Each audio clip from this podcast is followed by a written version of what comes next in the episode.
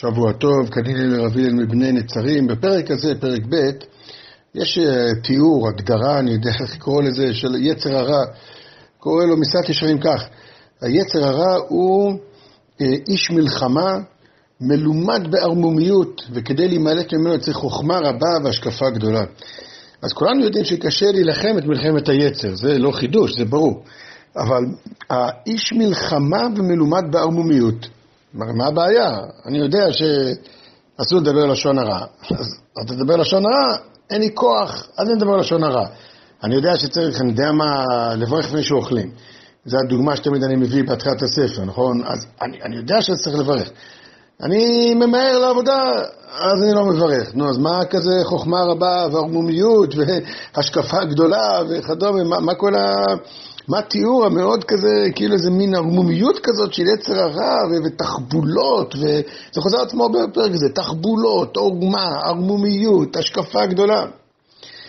והתשובה היא שנכון, יש יצר הרע שהוא אה, שחור, ברור, שדון עם מזלג אדום שעושה לך היי-היי, ולא תמיד יש לך כוח להתמודד איתו, זה נכון.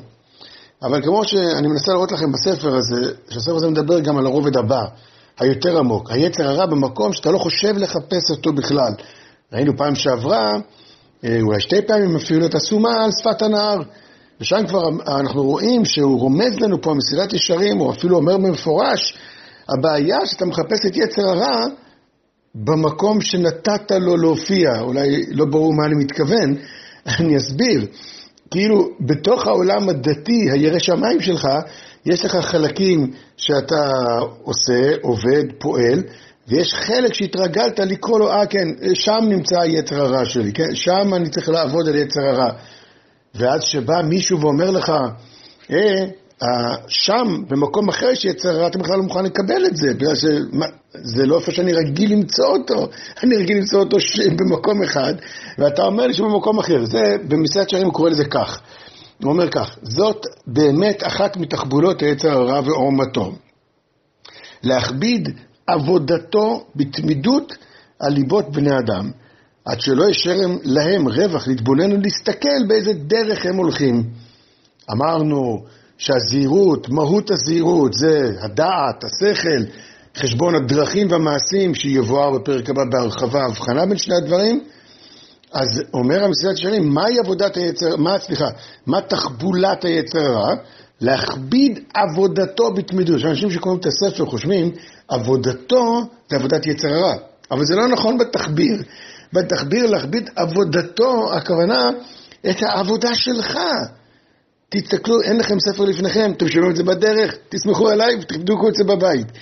להכביד עבודתו של האדם בתמידות על ליבות בני אדם, כלומר, היצר מתלבש בתוך העבודה שלך. איך? לא במעשה רע בהכרח, כן, יש גם יצר רע של מעשים רעים, אני לא אומר שלא. אבל היצר היותר מסוכן זה שאומר, כן, כן, תמשיך מה שאתה עושה, בטח, אתה חייב, אתה אידיאליסט, אתה פועל, אתה, אתה, אתה, אתה תמשיך את העבודה הזאת, בטח, בטח, בטח. תמשיך את עבודתך, זה, זה, זה חשוב מאוד. והוא יושב לו מחייך היצרה, כי הוא יודע שמרוב שאתה מש, ממשיך, אתה לא עושה סטופ, אני יודע מה, נקודה נבדלת, נקודה ארכימדית, ומתבונן, רגע, יכול להיות שזה דבר טוב, יכול להיות שזה אידיאלים. האם זה נכון עכשיו? האם זה נכון בשעה כזאת? האם זה לא בא על חשבון דברים אחרים? האם זה לא אה, אה, השתנה משהו? אתן דוגמה, אני לא אשאר מופשט, סתם עלה לי בראש, חייל באיש קבע. עושה מצווה? בטח. קרבי, מה השאלה? גם הוא לא קרבי. איזה שאלה? אבל קרבי לא בבית כמעט. ברור שהוא עושה מצווה, איזה שאלה? זה ברור שזה אידיאל גדול וזו מצווה גדולה. אז איך יופיע לו היצר הרע? יצר הרע לא יגיד לו, עזוב, יכול להיות שגם, אבל לא זה מה שאני רוצה להגיד.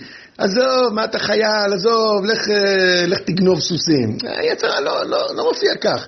עזוב, אתה תפסיק, לך תעשה ביזנס. לא, יכול להיות שיש יצר כזה, אבל היצר רע יותר מסוכן שיכול להיות שמופיע הוא, תמשיך, אל תסתכל ימינה-שמאלה, אל תבדוק אם הבית צריך אותך, אל, ת, אל תבדוק, אולי אתה צריך לעשות קצת חופשה, אל תבדוק אם אתה לומד מספיק תורה, לא, תמשיך, אידיאליסט, אידיאליסט. אז אני אוהב להגיד, היצר הרע זה כך, השאיפות של היום, כלומר אידיאלים שאתה שואף לממש אותם והם בשבילך עבודת השם שלך, הם היצר הרע של מחר.